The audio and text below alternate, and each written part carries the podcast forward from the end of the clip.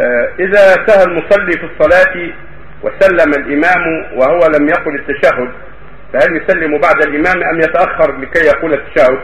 إذا سلم الإمام وأنت ما كملت التشهد عليك أن تكمل ثم تسلم أول تسلم تكمل التشهد بالصلاة على النبي صلى الله عليه وسلم ثم تسلم وإن كملت بالتعوذ بالله من عذاب جهنم وعذاب القبر إلى آخره فهذا أفضل لأن هذا التعوذ قد قال بعض أهل الوجوب فالأولى أن تكمله ثم تسلم على ثم تسلم بعد ذلك.